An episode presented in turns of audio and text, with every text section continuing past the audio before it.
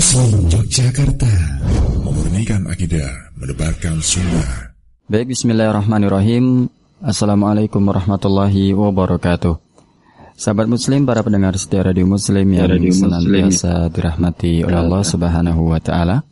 Alhamdulillah pada kesempatan kali ini kita dapat bersua kembali di radio kesayangan kita Radio Muslim Yogyakarta 1467 AM Memurnikan akidah menebarkan sunnah pada kesempatan kali ini insya Allah biidnillahi ta'ala kita akan bersama-sama menyimak kajian yang akan dibawakan oleh Ustaduna Ustadz Abu Salma Muhammad Hafidhullahu Ta'ala pada pembahasan rutin beliau yaitu kajian parenting islami yang insya Allah pada kesempatan kali ini beliau akan melanjutkan pembahasan pada kesempatan minggu yang lalu dalam tema tarbiyah bil hikmah. Kajian pada kesempatan hari ini merupakan kajian interaktif di mana sobat muslim semua dapat mengirimkan pertanyaan melalui SMS atau WhatsApp ke nomor 0823 2727 5333. Insya Allah pertanyaan yang sobat muslim kirimkan akan kami sampaikan kepada Ustadz Abu Salma dan insya Allah akan dijawab pada sesi tanya jawab nanti. Dan Alhamdulillah beliau telah beliau Ustadzuna Ustadz Abu Salma telah siap untuk menyampaikan kajian pada kesempatan kali ini. Sebelum kita mulai pembahasan pada kesempatan kali ini marilah kita sapa beliau terlebih dahulu. Assalamualaikum Ustaz. Waalaikumsalam warahmatullahi wabarakatuh. Bagaimana kabarnya Ustaz? Ustaz. Alhamdulillah ya sehat ini Mas. Sampai gimana kabar Mas? Sehat Mas? Alhamdulillah sehat Ustaz. Nah. Alhamdulillah. Ya. Baik, sobat muslim, alhamdulillah Ustaduna dalam keadaan sehat walafiat dan insya Allah akan menyampaikan kajian tentang parenting Islami pada kesempatan kali ini. Untuk itu kami himbau kepada sobat muslim semua untuk sekiranya menyiapkan pena serta kertasnya untuk mencatat hal-hal penting yang insya Allah akan kita dapatkan pada pembahasan kali ini. Untuk itu li fadilati Ustaduna Ustad Abu Salma fa'alaihi falatafadhal maskura. Jazakallah khair ya. Alhamdulillah wassalatu wassalamu ala asyrafil anbiya'i wal mursalin Sayyidina wa maulana Muhammadin wa ala alihi wa sahbihi wa man walah amma ba'du sobat uh, pendengar radio muslim yang dimuliakan oleh Allah Subhanahu wa taala. Alhamdulillah di hari ini ya Allah Subhanahu wa taala masih memberikan kita ya kesempatan ya dan ini adalah nikmat dari Allah Subhanahu wa taala sehingga kita bisa melanjutkan kajian kita yaitu kajian parenting Islam yang mana kita di hari ini insyaallah akan melanjutkan ya dari materi kita yang sebelumnya berkenaan tentang masalah mendidik anak. Di pertemuan kita yang sebelumnya kita kita sudah membahas bahwasanya yang namanya tarbiyatul abna itu atau uh, pendidikan anak ya itu adalah dengan bil hikmah, dengan hikmah. Ya. Jadi yang namanya mendidik bukan hanya mendidik di dalam segala hal Islam ya itu mengajarkan kita agar kita untuk senantiasa melakukan hikmah. Dan di pertemuan yang lalu juga sudah kita bahas ya sedikit tentang apa itu hikmah. Hikmah itu maknanya adalah wad'u fi mawdi'ihi, meletakkan sesuatu pada tempatnya. Jadi jika kita melakukan sesuatu sesuai dengan konteksnya, sesuai dengan proporsinya, ya, kita melakukannya dengan benar, maka itu adalah bagian dari hikmah. Dan sebagaimana yang disebutkan oleh Al-Hafidh Ibnul Qayyim rahimahullahu taala ketika beliau menerangkan makna hikmah, hikmah adalah fi'lun ma yanbaghi 'ala al-wajhi alladhi yanbaghi fi waqti alladhi yanbaghi. Yaitu melakukan sesuatu yang tepat, yang benar. 'Ala al-wajhi alladhi yanbaghi. Juga dengan metode atau dengan cara yang benar, yang pas fi waqti alladhi yanbaghi. Juga dilakukan di waktu yang juga sesuai. Ya, ini adalah hikmah. Jadi di sini ada tiga karakteristik yang disebutkan yaitu fi'lun ma yang bagi melakukan sesuatu itu harus benar ya. Kemudian ala wajhil yang bagi dilakukan dengan cara yang juga ya sepatutnya yang benar fi waqtil ladzi yang bagi. Di momen atau di waktu yang juga pas ya. Uh, sebagaimana juga yang diutarakan oleh al-allamah Syekh Shalih Fauzan Al-Fauzan hafizahullah taala dia di dalam salah satu dars beliau ya tentang masalah al-hikmah fi da'wati Allah ya ketika beliau menerangkan tentang masalah hikmah ya beliau mengatakan idza kana qaulul haqqi fi ghairi mahallihi wa fi ghairi waqtihi wa bi ghairi al-uslubil munasib fa innahu yusabbibul mafsadah. Fa innahu yusabbibu mafsadatan. Ya. Jika ucapan seseorang itu benar tapi disampaikan di tempat yang salah, di waktu yang keliru, dengan cara yang juga tidak layak, maka hal ini akan menyebabkan kerusakan yang besar. Namun sebaliknya, idza kana qaulul haqqi fi mahallihi wa fi waqtihi wa bil uslubil munasib fa innahu minal hikmah. Ya, jika ucapannya itu yang disampaikan benar di tempat yang benar, di waktu yang benar, dengan cara yang benar, maka itu termasuk hikmah yang yang aliyah, yang tinggi ya. Baik. Sobat muslim yang dimuliakan oleh Allah Subhanahu wa taala, di dalam mendidik anak, kita harus berpegang dengan prinsip hikmah. Dan prinsip hikmah inilah yang Allah karuniakan kepada ya seseorang yang Allah abadikan namanya. Beliau bukan nabi, bukan rasul, namun Allah abadikan, Allah sanjung beliau. Yaitu Luqman. Yang mana Luqman ini beliau hidup ya menurut beberapa riwayat yang disebutkan oleh para ulama ahli tafsir, beliau hidup di zamannya Nabi Daud dan Sulaiman. Beliau mengambil ilmu dari Nabi Daud dan Nabi Sulaiman. Dan di Al-Qur'anul Karim Allah menjelaskan nasihat-nasihat Luqman kepada anaknya. Yang mana sepatutnya kita harus menengok hal ini, memperhatikan hal ini. Karena di sinilah terdapat pelajaran yang sangat yang sangat besar sekali bagi orang-orang yang ingin mengambil ilmu tentang ilmu mendidik anak, tentang ilmu parenting. Sobat muslim yang dimuliakan oleh Allah Subhanahu wa taala, di dalam surat Luqman, ketika Allah memuji Luqman, "Walaqad atayna Luqman al-hikmah." Dan sungguh kami telah berikan kepada Luqman itu hikmah, ya. Allah Subhanahu wa taala menerangkan bahwasanya Allah berikan ke kepada Luqman meskipun dia bukan nabi dan bukan rasul, Allah lebihkan dengan Allah berikan hikmah kepadanya. Dan Allah Subhanahu wa taala itu memberikan hikmah hanya kepada siapa saja yang Allah kehendaki. Yu'til hikmata man yasha'u man yu'tal hikmata faqad utiya khairan katsira. Ini kata Allah Subhanahu wa taala di dalam surat Al-Baqarah kalau tidak salah ayat 269. Ya Allah mem Allah memberikan hikmah may yasha kepada siapa saja yang Allah kehendaki. Wa may yu'tal hikmata faqad utiya khairan katsira. Dan siapa yang Allah karuniai dengan hikmah, maka sungguh dia telah dikaruniai dengan kebaikan yang banyak dan karunia yang banyak. Ya. Dan karena itulah kita harus banyak mengambil pelajaran dari Luqman ketika beliau mengajar mendidik anaknya di dalam ya, ya di dalam mendidik anaknya. Dan ini nanti insya Allah metode Luqman di dalam mendidik anaknya ya insya Allah taala nanti ya eh, dengan izin Allah itu akan kita bahas ya di sesi yang lain ya. Ya intinya Luqman itu mengajar anaknya itu ada beberapa hal, ada beberapa poin. Yang pertama, Luqman mengajarkan tauhid. Ya, agar anaknya tidak jatuh kepada perusak fitrah nomor satu, yaitu kesyirikan. Ketika Luqman mengatakan, Ya bunayya la tusyrik billah inna syirka la dhulmun azim. Wahai anakku, janganlah kamu menyekutukan Allah, karena sesungguhnya menyekutukan Allah itu termasuk ya, kezaliman yang besar. Di sini Luqman mengawali dengan kalimat larangan. Beliau melarang putranya, jangan menyekutukan Allah, Allah nak. Karena ia mentauhidkan Allah itu fitrah. Dan Lukman khawatir fitrahnya anaknya ini rusak. Dan di sini Lukman tidak menasehati anaknya, nak, ya, apa namanya, ya, bunayya, u'budullaha wahda, misalnya begitu. Ya, sembahlah Allah semata. Bukan dalam bentuk kalimat imperatif atau perintah, bukan. Ya, karena Lukman tahu anaknya ini berada di atas fitrah. Dan fitrahnya manusia itu, yaitu berada di atas tauhid.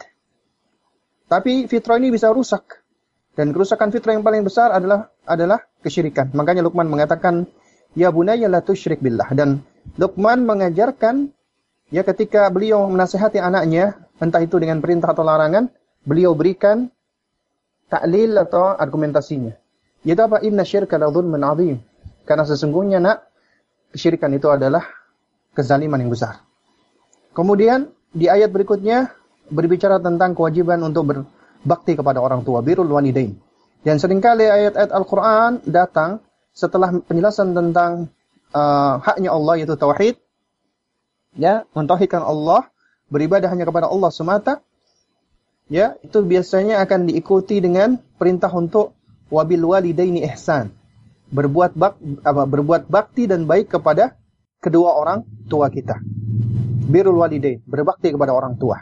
Lalu kemudian di ayat berikutnya Allah masih berbicara tentang eh, bakti kepada orang tua.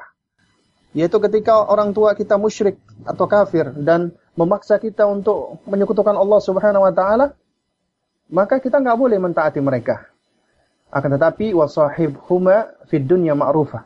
Tetap pergauli mereka dengan cara yang baik ketika di dunia. Ya, jadi ketika di dunia kita diperintahkan untuk tetap mempergauli mereka dengan cara yang baik. Lalu kemudian Lukman mengajarkan muraqabah. Nanti ini ya sebenarnya uh, juga ada sesi khususnya tentang belajar muraqabah. Lukman mengajarkan muraqabah, yaitu mengajarkan agar anaknya itu merasa diawasi oleh Allah Subhanahu wa taala. Lukman mengajarkan ya sejumlah tauhid asma wa sifat Allah, yaitu Al-Latif Al-Khabir, yang maha halus dan maha meneliti, maha teliti. Kemudian baru Lukman memerintahkan untuk salat, amar ma'ruf nahi mungkar, dan subhanallah anak kecil sudah diajarkan oleh Lukman untuk beramar ma'ruf nahi mungkar karena ternyata amar ma'ruf nahi mungkar itu adalah imunitas yang membentuk imunitas yang kuat buat anak-anak kita.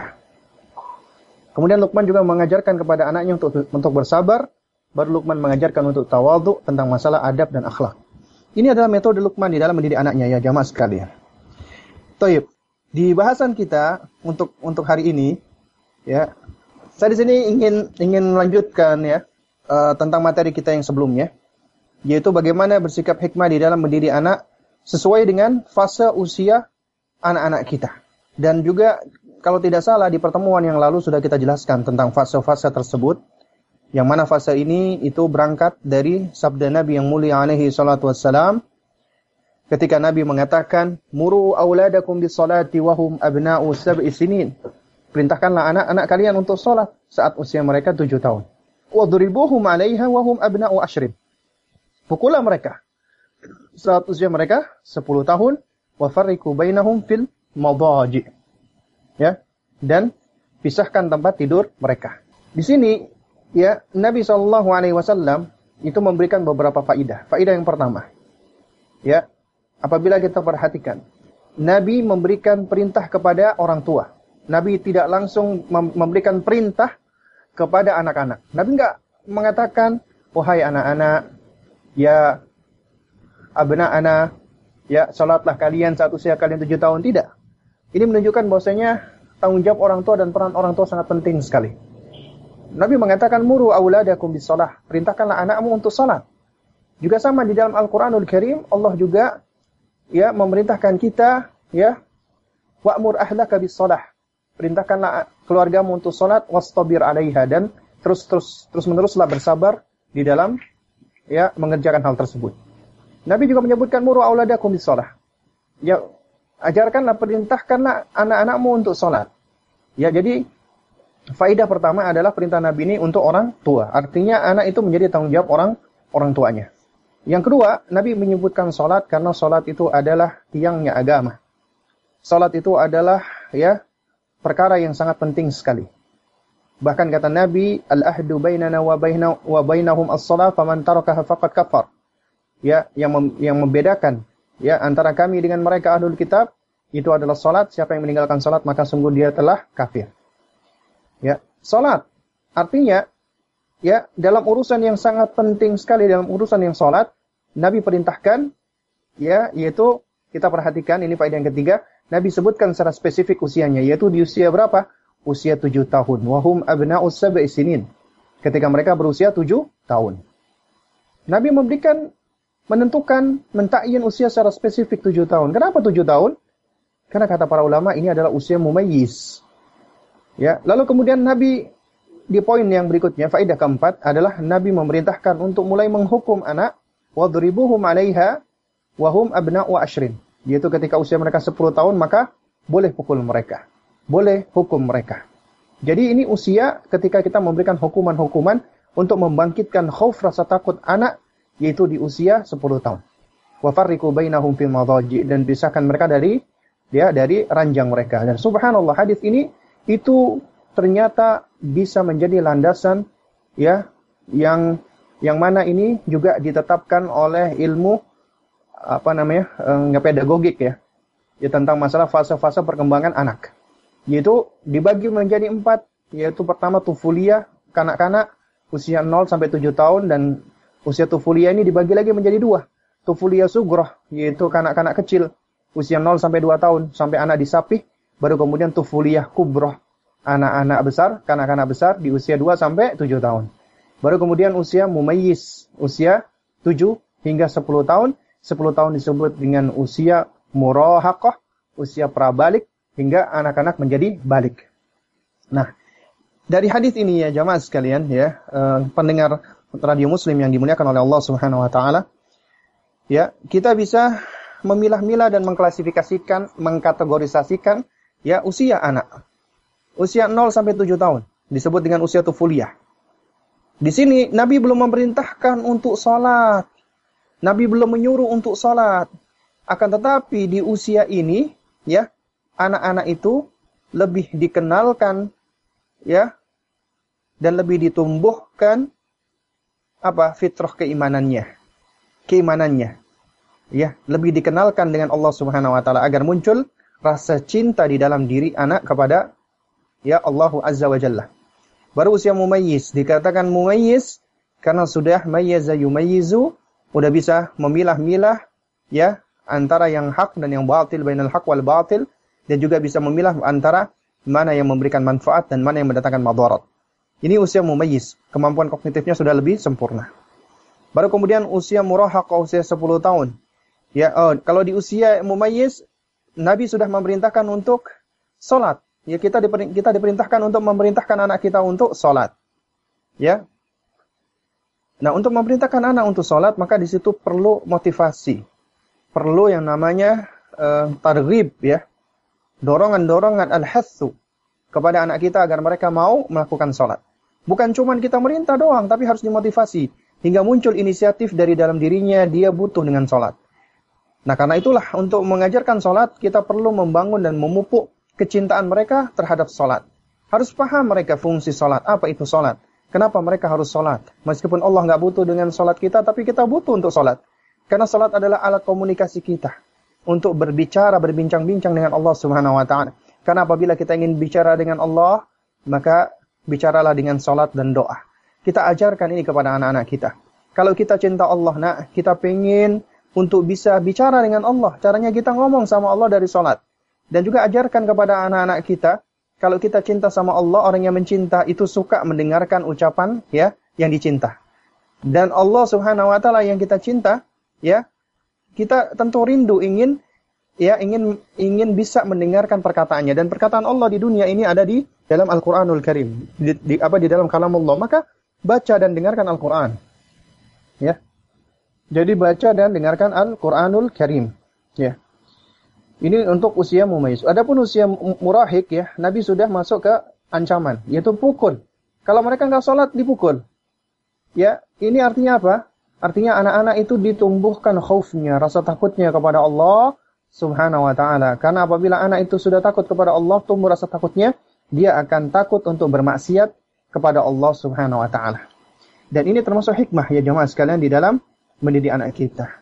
Lalu kemudian juga ya kita sejatinya di dalam mendidik anak itu itu kita mempersiapkan anak kita untuk bisa menjadi hamba Allah yang akan menjalankan fungsinya sebagai al-abid, sebagai hamba Allah. Karena Allah mengatakan wa ma khalaqtul jinna wal insa illa liya'budun. Tidaklah aku ciptakan jin dan manusia kecuali untuk beribadah kepadaku ai liwahidun kata Abdullah ibnu Abbas radhiyallahu taala anhuma. Ya, jadi untuk beribadah kepada Allah. Oleh karena itulah anak itu adalah amanat yang mana Allah mengamanatkan kepada kita Artinya kita diminta untuk menjaga anak kita. Ya, kita diminta untuk mendidik, memelihara anak kita agar anak kita bisa menjadi ya uh, hamba Allah yang sejati yang sebenarnya. Dan untuk bisa menjalankan fungsi sebagai hamba Allah, Allah berikan karunia, Allah berikan tools dan equipment yang ternyata ini juga berkembang sesuai dengan fase usia anak. Dan ini juga harus kita pahami. Di dalam surat uh, ya An-Nahl kalau tidak salah ya, Allah Subhanahu wa taala berfirman, "Wallahu akhrajakum min butuni ummahatikum la ta'lamuna syai'ah."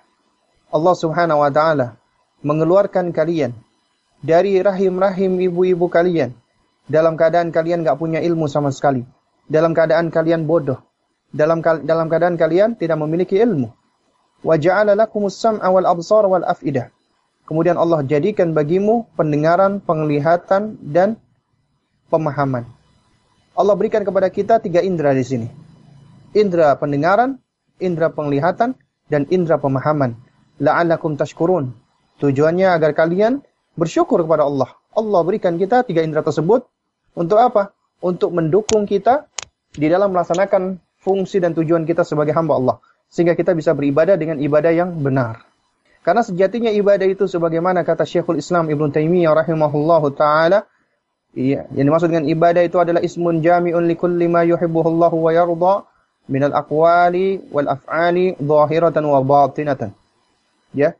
Yang dimaksud dengan ibadah itu adalah ya uh, sebuah sebutan atau nama yang komprehensif yang mencakup semua apa yang Allah cintai dan apa yang Allah apa namanya uh, ridhoi ya baik itu berupa ucapan maupun berupa perbuatan yang zahir ataupun yang batin itulah ibadah jadi di sini ibadah itu syaratnya harus perbuatan yang dicintai dan diridhoi Allah kalau Allah nggak cinta Allah nggak ridho maka itu bukan ibadah namanya nah karena itu agar kita bisa beribadah yang benar mendapatkan kecintaan Allah dan keridhaan Allah maka kita harus mencontoh caranya orang yang paling kenal dengan Allah yang paling cinta dengan Allah dan paling dicintai Allah yaitu Rasulullah agar kita bisa mendapatkan ya apa? Agar kita bisa mendapatkan kecintaan Allah Subhanahu wa taala. Di dalam surat An-Nahl tadi Allah menyebutkan ya uh, uh, Allah Allah menyebutkan tentang instrumen-instrumen yang Allah berikan kepada manusia. Ya, yaitu asam wal wal absar wal afidah.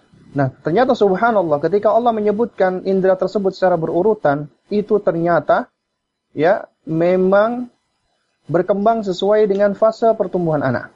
Karena pertama kali indera yang paling berkembang ketika anak dilahirkan dan terus dan dan uh, dan terus berkembang itu adalah indera pendengaran. Sehingga ini adalah fase yang paling baik untuk apa? Untuk tasmi' memperdengarkan anak dengan ya dengan kalim dengan uh, kalimat-kalimat thayyibah, dengan lafzul jalalah, dengan Al-Qur'anul Karim, dengan perkataan-perkataan yang baik khususnya di usia ketika anak masih menyusui 0 sampai 2 tahun tufulia subrah. Ini usia mereka lebih banyak distimulasi dan dirangsang ya pendengarannya dengan perkataan-perkataan yang baik. Dan perhatikan Allah tidak menyebutkan di, apa di di instrumen yang Allah sebutkan itu ada indera berbicara. Karena apa? Karena indera berbicara itu sangat erat kaitannya dengan indera pendengaran. Karena anak-anak belajar berbicara dari apa yang mereka dengar. Ya, kalau orang tua itu sering kali memperdengarkan kalimat-kalimat thayyibah, kalimat-kalimat yang baik, maka ini akan termaktub kuat di dalam sanubari sang anak. Sehingga dia akan ya mengucapkan kalimat yang dia sering dengarkan. Kalau ibunya sering mengucapkan kalimat-kalimat zikir, kalimat-kalimat yang mengandung lafzal jalalah, Allah, Allah, Allahu Akbar, Subhanallah, Alhamdulillah, dan seterusnya, maka si anak pun juga akan dipengaruhi. Dan zikir itu memberikan ketenangan. ya. Bukankah Allah yang mengatakan, ala bidzikrillahi tatma'innul qulub ya. Ah, bukankah dengan berzikir kepada Allah maka ya bukankah dengan berzikir kepada Allah Subhanahu wa taala maka hati pun akan menjadi tenang. Nah, karena itu orang tua yang sering berzikir dan memperdengarkan kepada anak di usia 0 sampai 2 tahun khususnya ini usia-usia yang paling efektif untuk tasmi' memperdengarkan karena indranya yang paling berkembang sempurna pertama kali itu adalah pendengaran. Baru kemudian di usia Tufuliyah kubroh, 2 sampai 7 tahun. Dan di usia ini, inilah di antara hikmah kenapa Nabi belum memerintahkan mereka untuk sholat. Karena ini usia mereka juga, ya, indera-indera mereka masih berkembang dan mereka sedang mengeksplor tentang anggota tubuh mereka. Semuanya masih berkembang. Sensorinya masih berkembang. Saraf-sarafnya masih berkembang semuanya.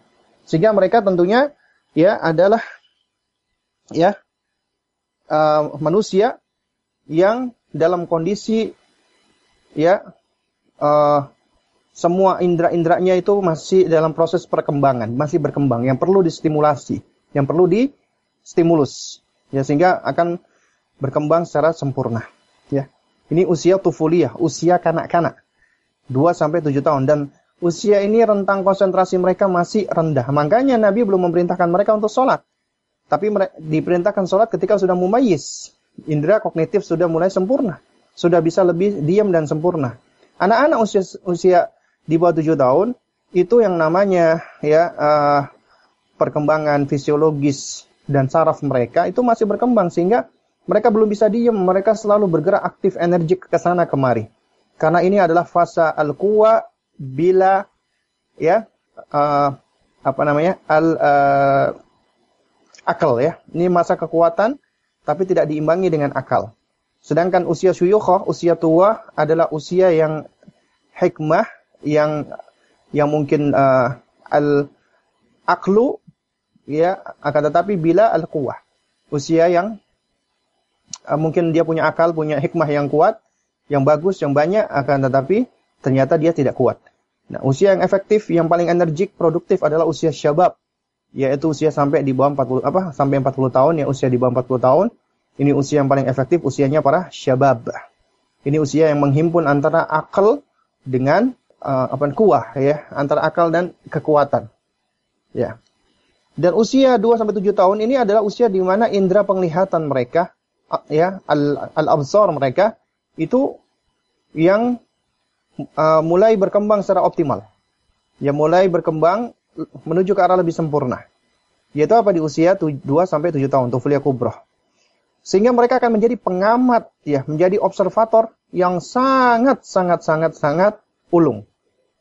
Mereka bisa menjadi seorang duplikator, imitator yang sangat hebat. Karena what they see, what they learn. Apa yang mereka lihat, itulah yang mereka pelajari. Dan ini usia yang sangat rentan sekali ya jamaah sekalian. Banyak orang tua yang jatuh kepada kesalahan, terutama di usia ini, ketika orang tua tidak memberikan udwah, ya, kudwah atau uswah yang baik. Karena di sini anak itu lebih melihat apa yang dilakukan orang tua daripada mendengarkan apa yang diucapkan orang tua. Ya, sehingga di sini adalah usia fase orang tua harus memberikan kudwah. Nah, ini di antara kaidah di dalam mendidik anak yaitu memberikan al-qudwah atau uswatul hasanah. Ini sudah ini sudah kita bahas ya pada pertemuan-pertemuan yang sebelumnya bahwasanya uh, apa tarbiyatul abna yang mendidik anak itu adalah uswatul bil uswatil hasanah dengan cara memberikan contoh yang baik. Nah, Nabi belum memerintahkan anak-anak ini untuk sholat. Tapi ketika orang tuanya misalnya bapaknya mendengarkan azan Allahu Akbar, Allahu Akbar, langsung segera dia mengambil air wudhu. Kemudian dia sholat sunnah dua rakaat di rumahnya karena lebih afdol sholat sunnah itu adalah di rumah. Kemudian dia berangkat ke masjid. Anaknya memperhatikan. Demikian pula ibunya. Ibunya ya itu pada saat keluar rumah berhijab dengan hijab yang benar, dengan hijab yang syar'i, anaknya akan mengamati dan akan mengikuti. Ya, apa yang mereka lihat itu yang lebih yang lebih efektif yang dan ya dan yang lebih yang lebih mudah untuk mereka ikuti daripada apa yang mereka dengarkan. Makanya ya sebagian ulama mengatakan al uswah atau al qudwah al hasanah ya anfa wa ablaq ya min minal uh, min alafil mawa'id ya. Bahwasanya teladan yang baik itu lebih bermanfaat dan lebih gamblang, lebih efektif daripada ribuan nasihat.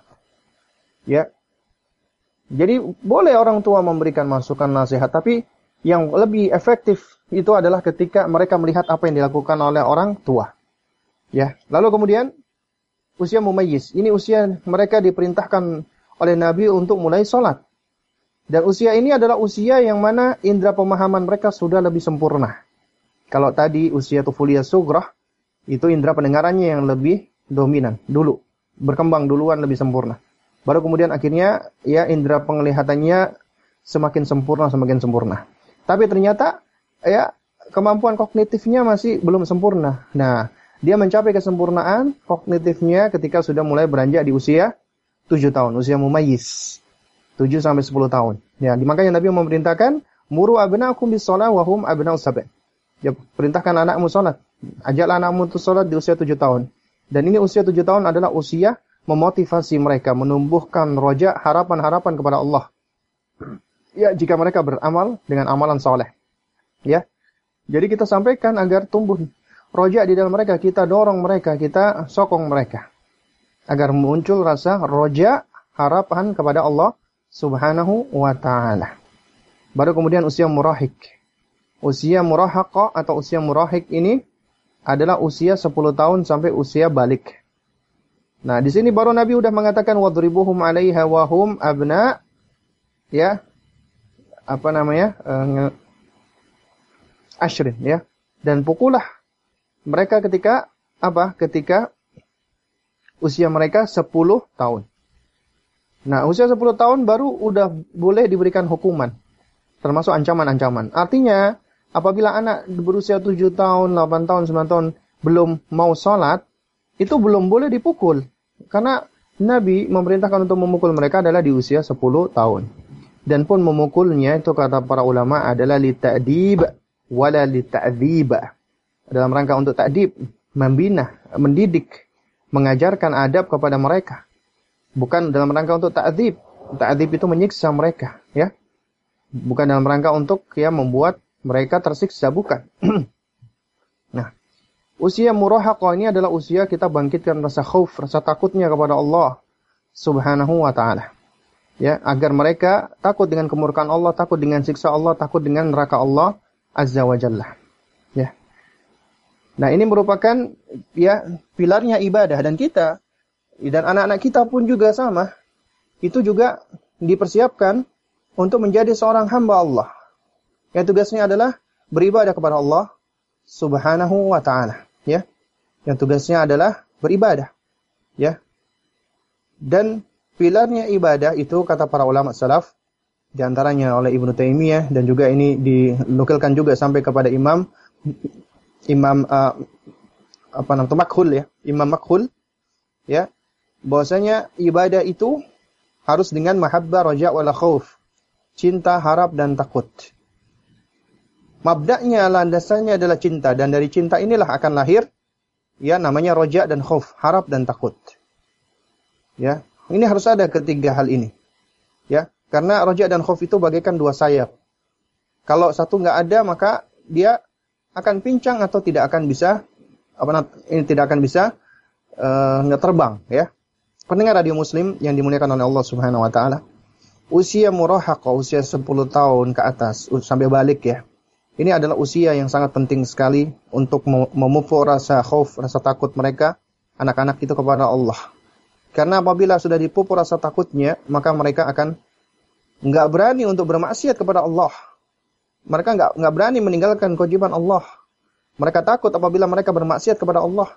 Karena sudah ditumbuhkan di dalam diri mereka rasa takut daripada menentang Allah Subhanahu wa taala.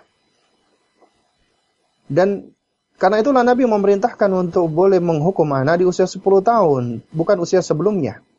Usia 10 tahun. Itu ya Nabi sudah memperbolehkan memukulnya. Tapi perhatikan ya, dari usia 7 sampai usia 10 tahun itu setidaknya ada 15.000 kali sholat. 15.000 kali percobaan kita sebagai orang tua untuk mengajak dan menyuruh anak-anak kita untuk sholat. Dan sejatinya kita cuma bukan bukan cuma menyuruh saja, tapi kita memotivasi mereka, mendorong mereka agar mereka sholat. Ya, menjelaskan keutamaan-keutamaannya, menjelaskan fadilah-fadilahnya, menjelaskan balasan yang Allah siapkan, yaitu berupa surganya Allah Subhanahu wa taala yang mana surga ini ya itu ya adalah ya negeri atau kampung halaman ya yang harus kita jadikan tujuan kita di dalam melangkah terutama di dalam ya melabuhkan bahtera rumah uh, tetangga kita. Baik, uh, uh, para pendengar radio muslim yang dimuliakan oleh Allah Subhanahu wa taala ya. Mendidik anak secara hikmah itu haruslah melihat perkembangan mereka ya, yaitu dari sisi usia usia mereka. Dan ini adalah termasuk bentuk hikmah karena kita nggak bisa menyamakan atau menghantam kromo ya gebiak uyah semuanya disamakan. Ya karena orang tua itu berbeda dengan yang masih anak-anak. Bahkan anak-anak sama anak-anak antara usia 5 tahun dengan usia 8 tahun dengan usia 12 tahun itu berbeda. Cara berpikirnya berbeda ya bahkan posturnya tubuhnya juga sama berbeda ya nah tentunya di dalam penanganan dan di dalam menyikapi mereka juga berbeda. Ya, juga berbeda. Nah, pendengar radio muslim yang dimuliakan oleh Allah Subhanahu wa taala ya. Jika bisa ya saya ikhtisarkan ya saya simpulkan ya tentang mendidik anak secara hikmah berdasarkan fase usia yaitu jika kita bagi menjadi empat tadi tufulia sugroh kanak-kanak kecil 0 sampai 2 tahun. Tufulia kubroh kanak-kanak besar 2 sampai 7 tahun. Dan dan kemudian usia mumayyiz 7 sampai 10 dan murahik 10 eh, sampai balik. Usia tufulia sugroh indera pendengaran yang lebih dominan. Sehingga di usia ini ya mentasmi mereka dengan kalimat-kalimat thayyibah. Dengan Al-Qur'anul Karim dengan zikir dengan perkataan-perkataan yang baik ya. Itu adalah lebih utama lebih mempengaruhi dan ini termasuk di dalam uh, upaya di dalam mendidik ya uh, anak-anak uh, bayi anak-anak usia di bawah 2 tahun ya itu indera pendengaran mereka sudah uh, sudah menuju ke arah kesempurnaan kemudian di usia tufulia kubroh itu baru indera penglihatan mereka yang sudah ke arah lebih sempurna lagi. Indra indra pendengarannya sudah sempurna, tapi ditambah lagi dengan indra penglihatan yang lebih sempurna. Sehingga yang berkembang belakangan inilah yang biasanya lebih dominan. Nah, ini adalah fase di mana mereka menjadi seorang duplikator, imitator yang paling ya efisien dan paling efektif. Mereka akan mencontoh apa yang ada di sekeliling mereka. Bahkan mereka itu seperti spons akan menyerap semua apa yang ada di sekeliling mereka. Jika yang diserap itu jelek, maka akan jelek. Yang diserap buruk, maka akan buruk. Baru kemudian di usia mumayyiz 7 sampai 10 tahun baru indera pemahaman kognitif mereka itu sudah mulai menuju ke arah kesempurnaan. Mereka sudah bisa diajak berpikir secara apa apa ini apa rasio ya. Jadi sudah bisa diajak untuk apa namanya uh, reasoning ya untuk mulai berargumen ya dengan logika-logika sederhana mereka sudah mampu dan sudah bisa. Nah, baru kemudian usia murahik, usia usia murahakoh 10 tahun sampai balik. Dan ini semua indranya sudah sempurna. Nah, tapi kita harus ingatkan ya. Kita harus ingatkan kepada mereka semua indera yang Allah karuniakan itu adalah amanat dari Allah dan semua akan dimintai pertanggungjawabannya oleh Allah Subhanahu wa taala. Ya.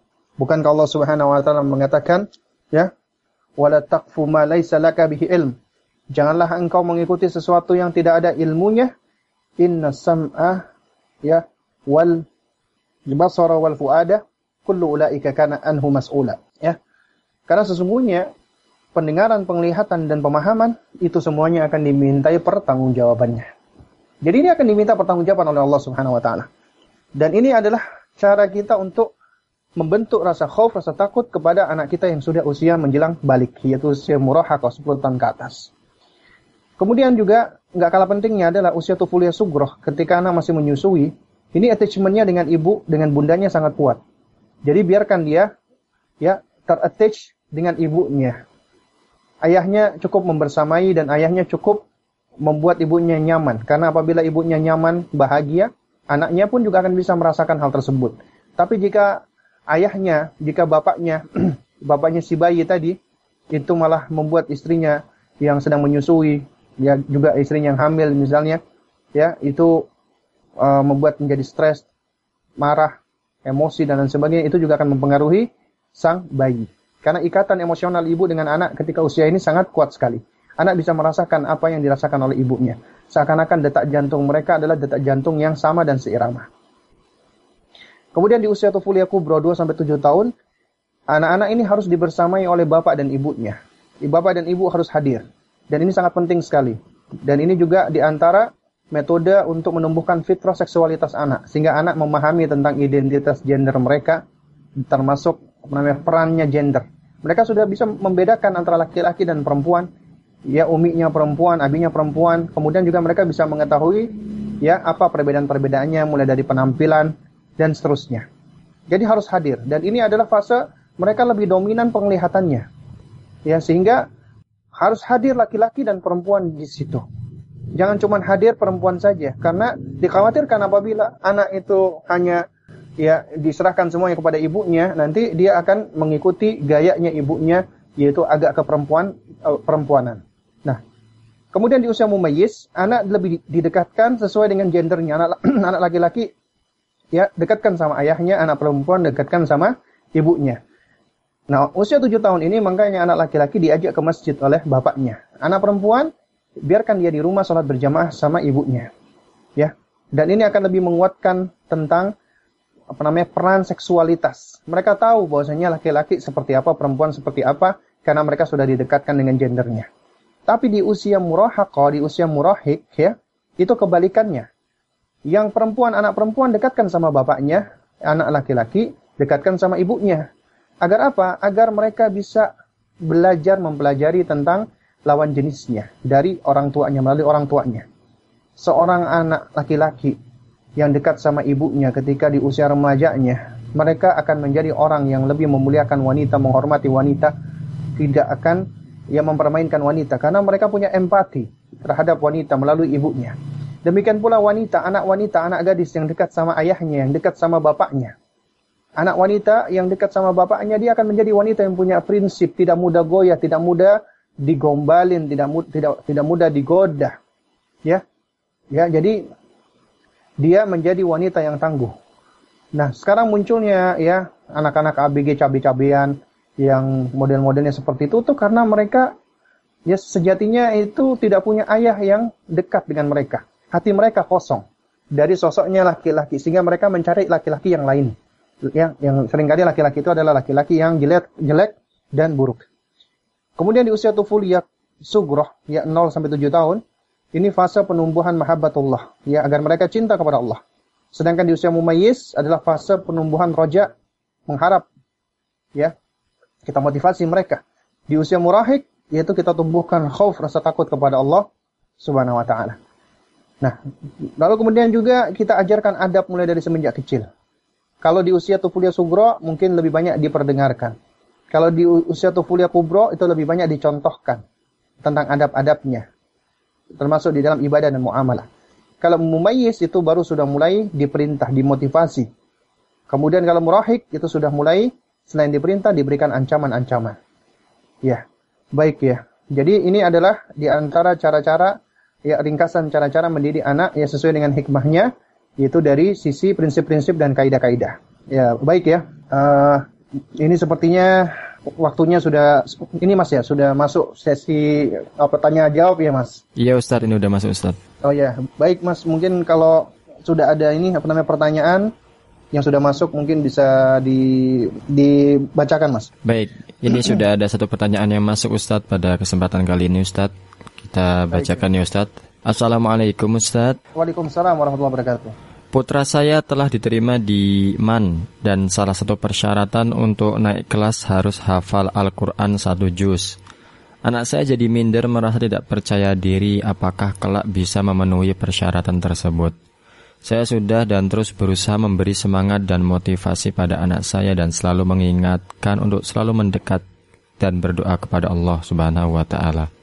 Mohon penjelasannya Ustadz langkah apa yang harus saya lakukan lagi Mohon doanya juga Ustadz untuk anak saya agar selalu teguh di jalan Allah Ta'ala. Jazakallah khairan. Mohon penjelasannya Ustadz Ya, tayyib. Wa jazakumullahu khairan wa barakallahu fikum ya. Dan mudah-mudahan Allah Subhanahu wa taala ya memudahkan dan membantu langkah ya dari uh, sang anak ya.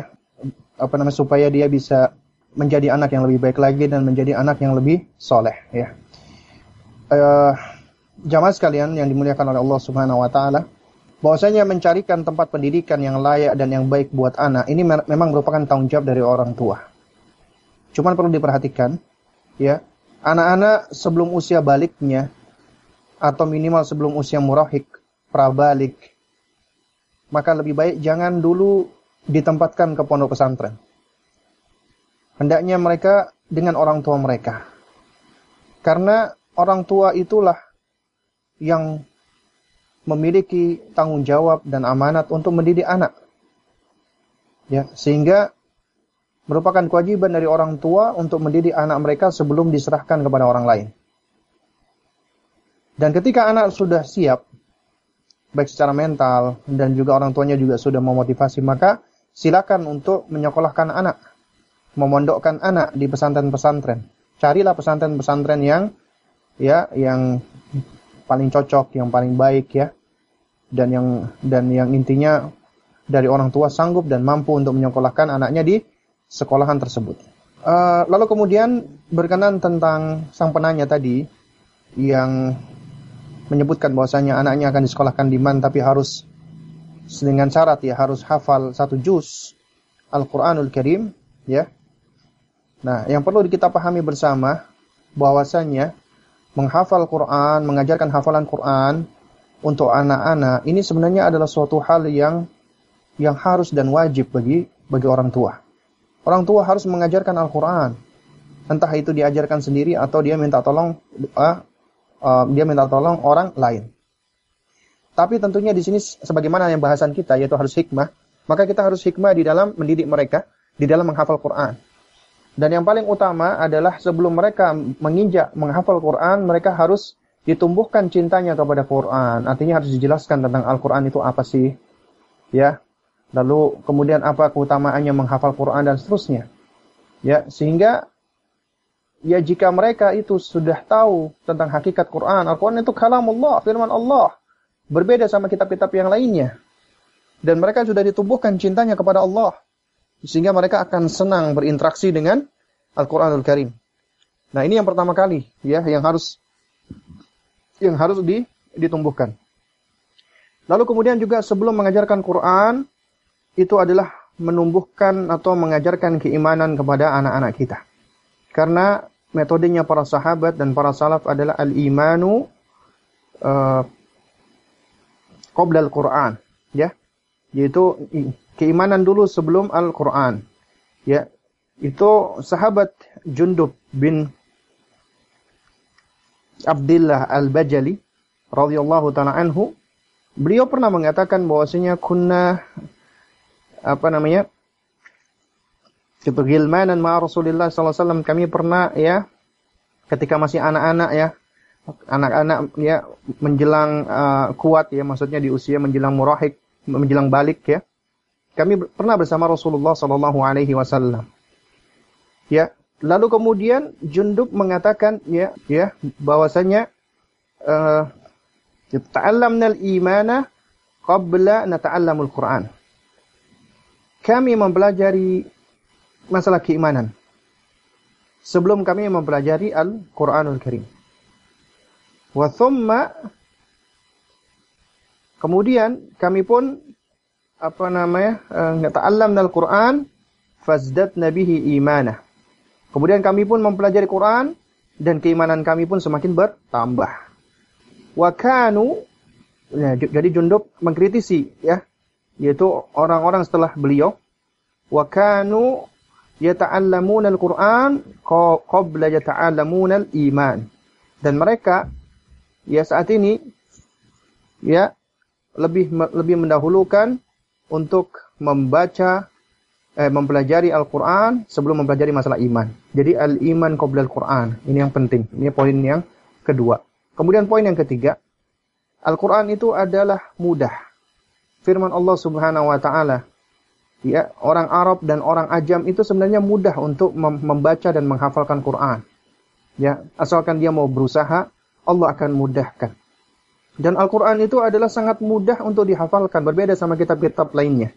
Dan ini terbukti, karena satu-satunya kitab yang paling banyak dihafalkan oleh manusia adalah Al-Quran. Mulai dari anak-anak hingga orang dewasa. Mulai dari orang Arab sampai orang non-Arab. Itu adalah Al-Quran. Juga mulai dari usia berapapun, bahkan seorang kakek-kakek pun juga bisa menghafalkan Quran.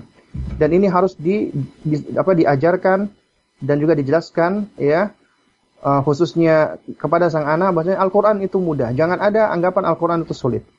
Ya, dan dan juga jangan sampai ada ya ada pikiran bahwasanya wah ini anak saya lemah di dalam menghafal. Tidak. Memang nggak bisa dipungkiri ada beberapa anak yang dia memiliki kelemahan di dalam menghafal, tapi tidak untuk Al-Quran. Al-Quran itu bahkan ya untuk orang, mohon maaf anak-anak yang ya yang punya uh, sedikit apa kelainan ya. Uh, maksud maksud saya bukan kelainan ya. Jadi anak-anak yang ya yang seperti mengalami Down syndrome ataupun yang mengalami uh, apa ya uh, mentalnya tidak sebagaimana anak-anak seusianya, ya itu ternyata ada di antara mereka yang sanggup menghafal dan membaca Quran dengan baik. Ya, mungkin apa namanya? Kita ada di antara antum yang pernah melihat ya videonya ya Syekh Abdul Razak bin Abdul Muhsin Al-Abad Al-Badr ya dengan salah seorang anak yang apa namanya difabel ya seperti ini. Akan tetapi subhanallah, anak yang tanpa difabel itu ternyata bacaan Qur'annya bagus dan hafalannya juga baik ya. Ini yang seperti ini juga bisa kita tunjukkan kepada anak kita untuk memotivasi mereka. Lalu kemudian juga dor, apa berikan mereka motivasi-motivasi tentang keutamaan-keutamaan penghafal Quran, ya. Itu juga harus dijelaskan, ya, agar mereka semakin termotivasi. Terus kemudian juga, ya, jangan dipaksa-paksa, karena sering kali anak itu ketika dia dipaksa-paksa, dia akan menjadi don, ya. Namun kita motivasi terus si anak, ya, kita berikan motivasi. Kamu bisa, kamu bisa, ya. Jadi Meskipun yang anggap waduh umi, waduh abi, apa aku nggak bisa. Ya, katakan kamu bisa. Quran itu Allah ya, Allah turunkan ya dengan begitu sempurnanya itu untuk semua manusia, bahkan jin. Dan itu mudah untuk dibaca dan mudah untuk dihafalkan. Terus dimotivasi. Ya. Terus kemudian juga yang tidak kalah pentingnya adalah ya uh, kita perlu juga untuk mengevaluasi sekolah tersebut, ya. Nah, kira-kira ini apakah memang sekolah yang paling baik untuk sang anak? Maksudnya menyekolahkan di sekolah tersebut, ya. Nah, mungkin ada sekolah-sekolah lain yang juga nggak kalah baiknya, ya, dengan sekolah tersebut yang mana mungkin anak kita ya taruhlah dia masih belum begitu banyak hafalannya, tapi ternyata ketika dia disekolahkan di sekolahan-sekolahan lainnya atau yang mahat lainnya ternyata itu akan menambah hafalannya atau malah semakin membuat dia semangat untuk menghafal Al-Quran Al-Karim ya. Dan kemudian yang terakhir adalah jangan lupa terus berdoa kepada Allah karena doanya ibu kepada anaknya itu insya Allah mustajabah makbulah insya Allah taala. Jadi ya doa carilah waktu-waktu yang yang yang mustajabah di sepertiga malam akhir ketika kita sedang bersujud ya. Kemudian eh, pada saat kita tasyahud sebelum salam kemudian di yaumil jum'ah uh, waktu sorenya ba'dal apa asar ya. Kemudian di antara ya uh, di antara apa namanya kita azan dan iqamah dan juga di waktu-waktu yang lainnya. Doakan terus anak terus berdoa Ya mudah-mudahan Allah Subhanahu wa taala akan akan ya akan uh, mengijabahinya. Ya wallahu taala alam Baik, terima kasih Ustaz atas jawaban dari pertanyaan yang telah masuk pada kesempatan hari ini dan sepertinya ini merupakan pertanyaan yang terakhir Ustaz pada kesempatan kali ini Ustaz. Untuk itu oh, baik, ya. Sebelum kita tutup ya. Ustaz, uh, ada baiknya kita simak sedikit kesimpulan yang akan disampaikan oleh Ustazuna Ustaz Abu Salma. Tafadhol Ustaz. Ya, terbaik ya uh, para pendengar radio Muslim yang dimuliakan oleh Allah Subhanahu Wa Taala. Yang perlu kita pahami bersama adalah ya kita semua ini sejatinya adalah diciptakan Allah untuk beribadah hanya kepada Allah Subhanahu Wa Taala. Dan ketika Allah mengkaruniakan kepada kita anak, artinya Allah menitipkan anak tersebut kepada kita. Artinya ketika kita menikah, istri kita hamil, istri kita melahirkan, kemudian kita dikaruniai anak, ya, ya, itu artinya anak tersebut adalah menjadi tanggung jawab kita. Dan ketika Allah menitipkan anak tersebut kepada kita, kita mampu untuk mendidiknya. Jangan sampai ada di antara kita yang punya pandangan kita nggak mampu. Ini adalah suatu hal yang apa terlalu berat. Tidak. Allah itu la yukallifullahu nafsan illa wus'aha. Allah itu tidak Allah itu tidak mm, ya membebani seseorang kecuali sesuai dengan kesanggupannya. Allah nggak akan memberikan beban kepada orang yang dia tidak sanggup. Dan kita itu sebagai orang tua, kita juga sudah dibekali oleh Allah fitrah sebagai orang tua. Kita mampu untuk mendidik anak-anak kita sejatinya. Anak-anak kita pun juga dilahirkan dalam keadaan fitrah. Adanya kita orang tua itu mendidik itu menjaga fitrahnya anak jangan sampai rusak. Dan tentunya ini semua tidak bisa diraih kecuali dengan ilmu. Karena itulah ya apa namanya itu wahai para bunda dan para ayah jangan pernah berhenti untuk terus belajar, untuk terus menuntut ilmu. Dan ilmu yang paling bermanfaat itu adalah ilmu yang menghantarkan kita untuk mengenal Allah dan menghantarkan kita untuk mengenal apa yang dicintai dan disenangi oleh Allah Subhanahu wa taala. Ya. Dan ingat ya, yaitu surat At-Tahrim ayat 6 itu adalah visi keluarga kita setiap muslim.